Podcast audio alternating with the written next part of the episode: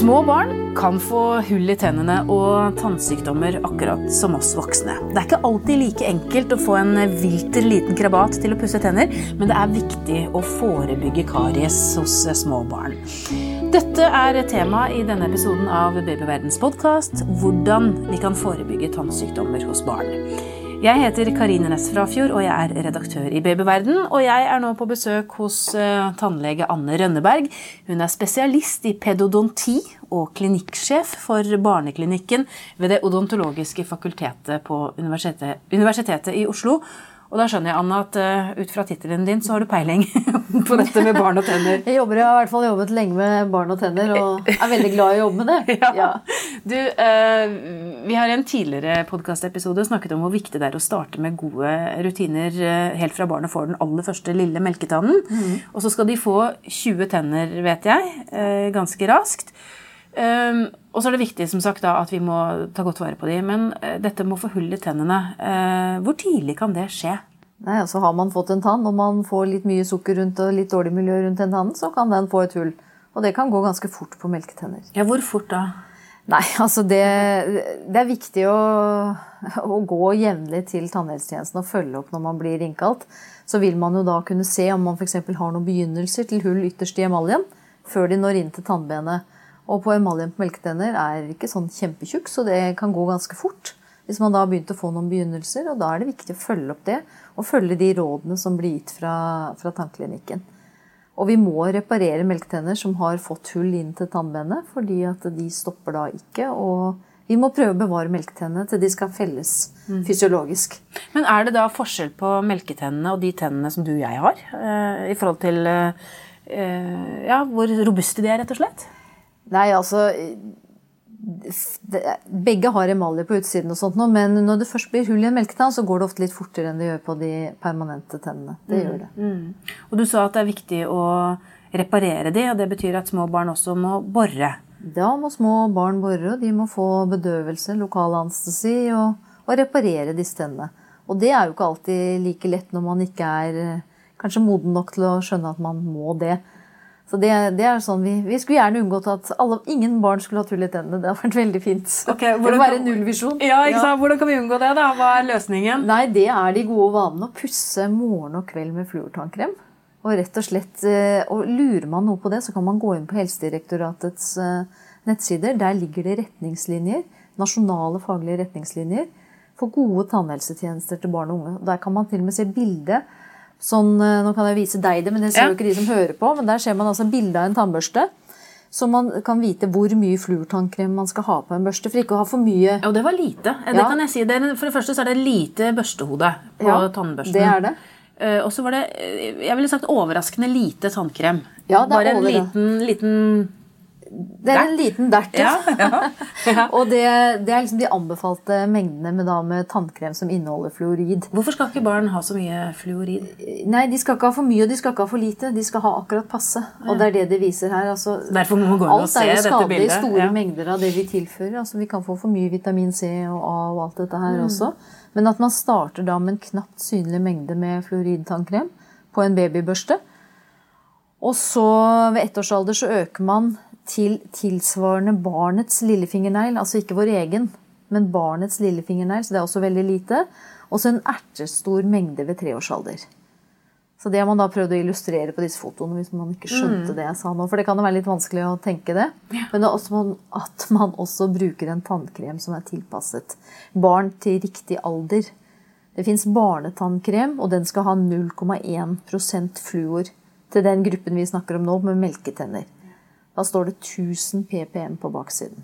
Og Det betyr at barna skal kanskje ikke ha noe ekstra tilskudd av fluortabletter eller andre ting man får kjøpt? Nei, i utgangspunktet ikke på et friskt barn som ikke har spesielle behov. Men det er der igjen tannhelsetjenesten skal kunne råde i. Så jeg ville ikke begynt med øh, fluortabletter på eget initiativ.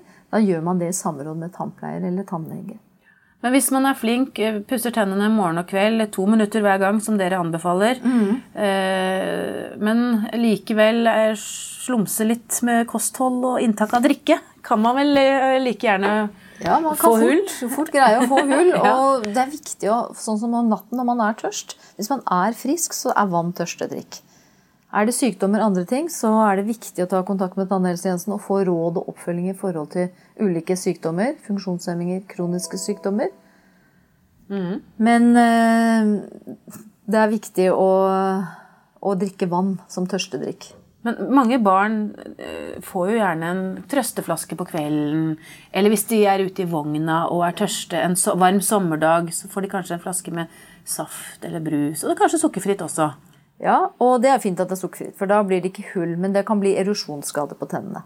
Så Derfor så er det så viktig at man venner barnet til å drikke vann som tørstedrikk.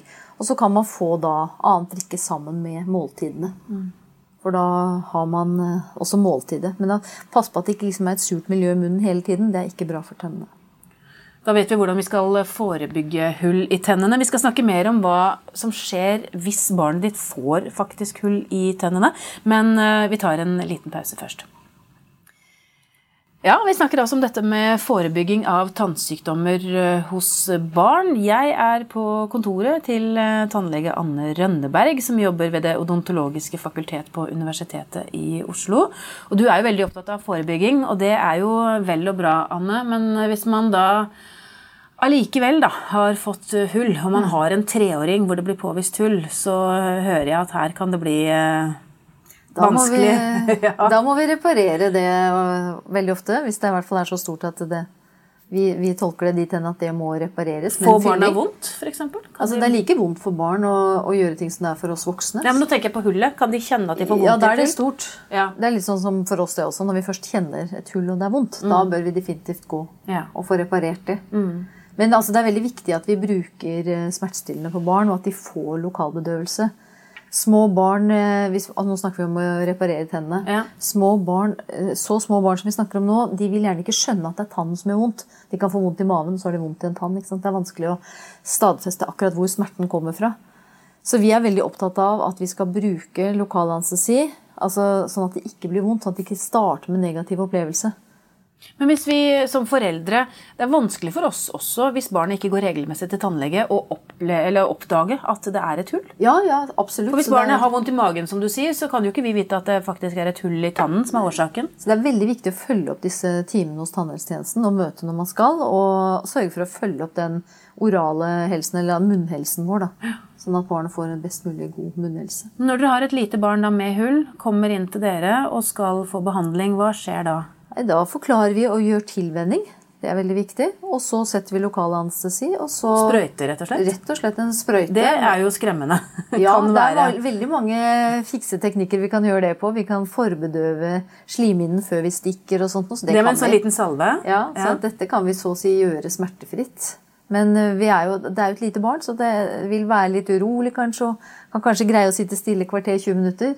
Så det gjelder å være at vi er godt forberedt. da. Jeg kan jo være så personlig og si at jeg har hatt ganske mange vanskelige opplevelser hos tannlegen med, med små barn. For det er jo som du sier, det er ikke lett å få det til å sitte. Og det er mye skremmende der med lys og lamper og sprøyter. Og er, det, er tannlegene spesialutdannet eller har trent i å takle små barn? Ja, det vil jeg si de er. Og det, det vektlegges også veldig under studiet, dette med riktige tilvenningsteknikker og utviklingspsykologi og de her tingene. Det lærer både tannpleiere og tannlegestudenter.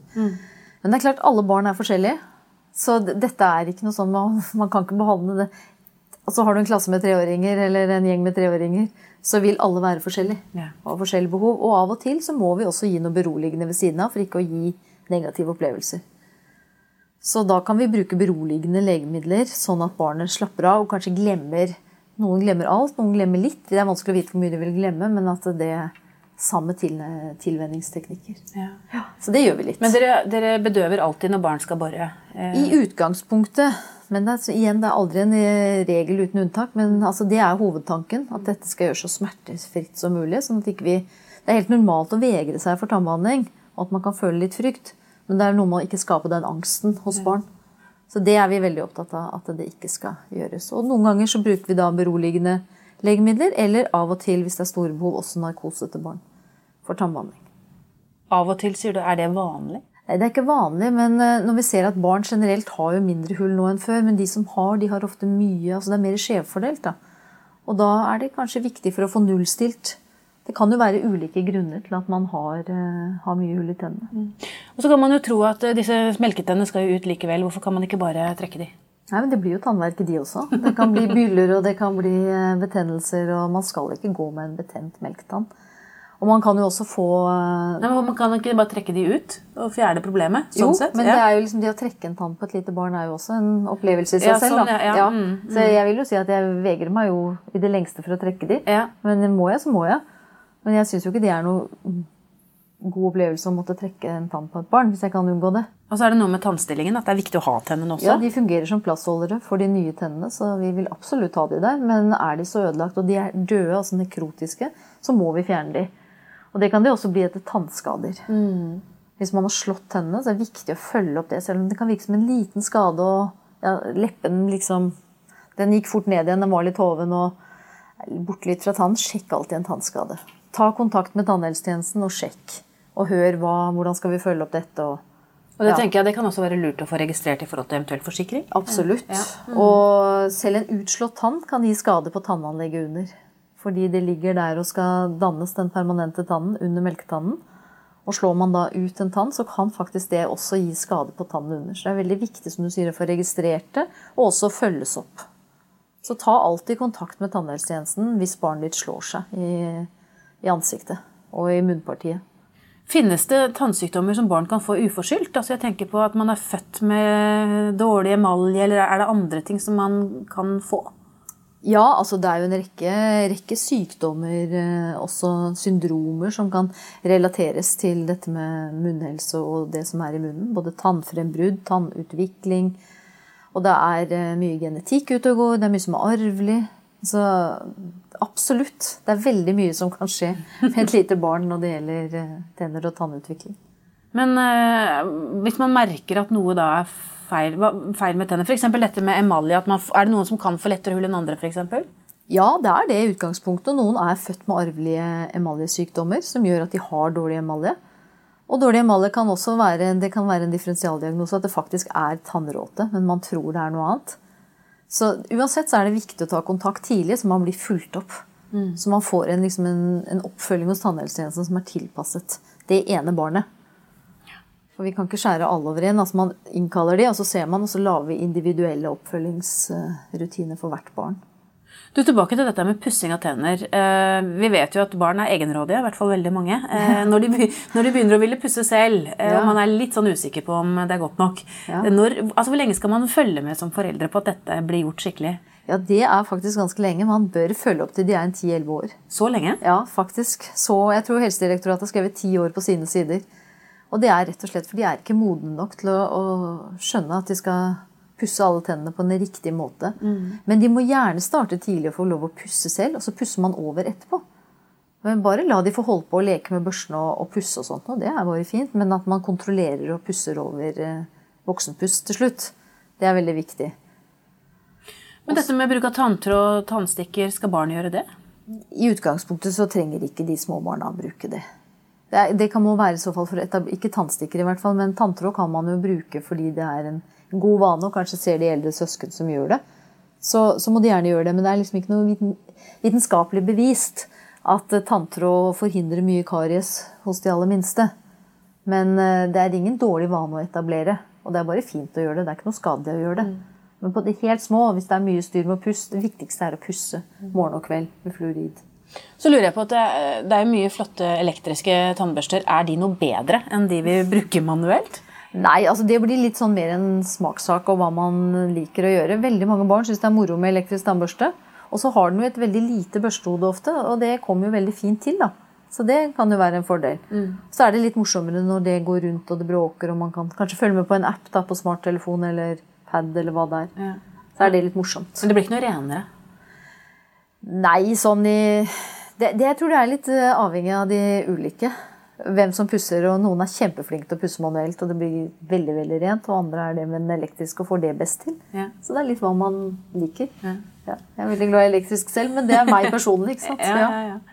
Men er det da sånn at øh, hvis man kommer seg gjennom øh, melketennerperioden uten hull, så har man et godt utgangspunkt for, øh, for god tannhelse eller munnhelse også som voksen? Absolutt. Det er, det er det vi håper.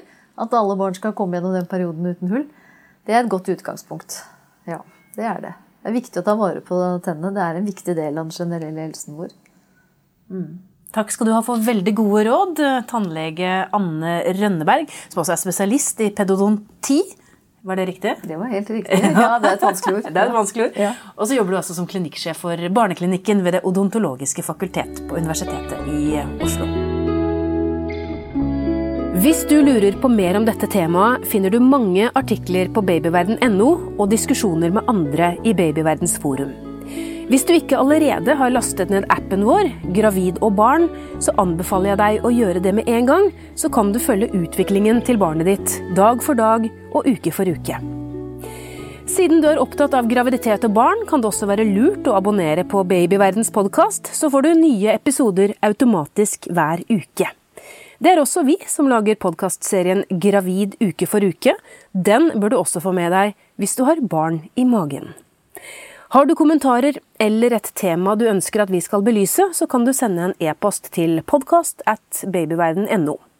Men husk at vi som lager denne podkasten er journalister og ikke helsepersonell. Så hvis du har medisinske spørsmål, må du ta kontakt med jordmor eller fastlegen din. Ha det godt til vi høres igjen.